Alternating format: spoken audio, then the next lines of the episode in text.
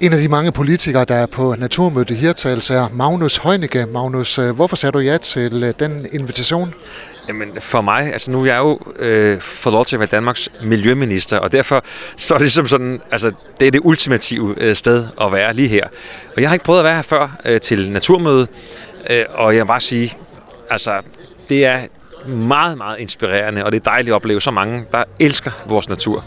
Har du haft lejlighed til at være lidt rundt på Naturmødet? Ja, det har jeg. Jeg har været rundt og, og øh, altså, jeg synes, det er meget, meget, det, det er virkelig en skøn oplevelse at være her, og, og øh, kæmpe stor respekt for det kæmpe arbejde, der er.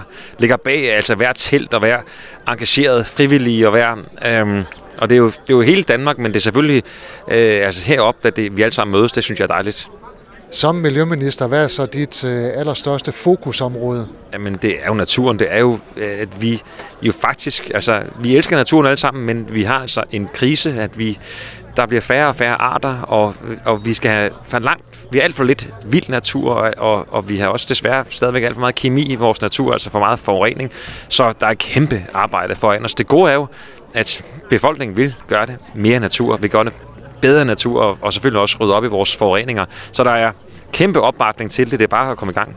Sidste spørgsmål. Hvordan øh, kan vi danskere hjælpe i den opgave? Jamen, vi kan hjælpe alle sammen, fordi øh, vi, det kan vi gøre som forbrugere, når vi køber varer, men det kan vi altså også passe på naturen øh, og, og, og, og sørge for, at vi ikke smider øh, affald og andet, men altså at vi nyder naturen, passer på den, når vi er der, øh, og, og og så også fortælle vores børn om, hvor smuk og enestående det er, at, og en gave at have så smuk natur, vi har i Danmark.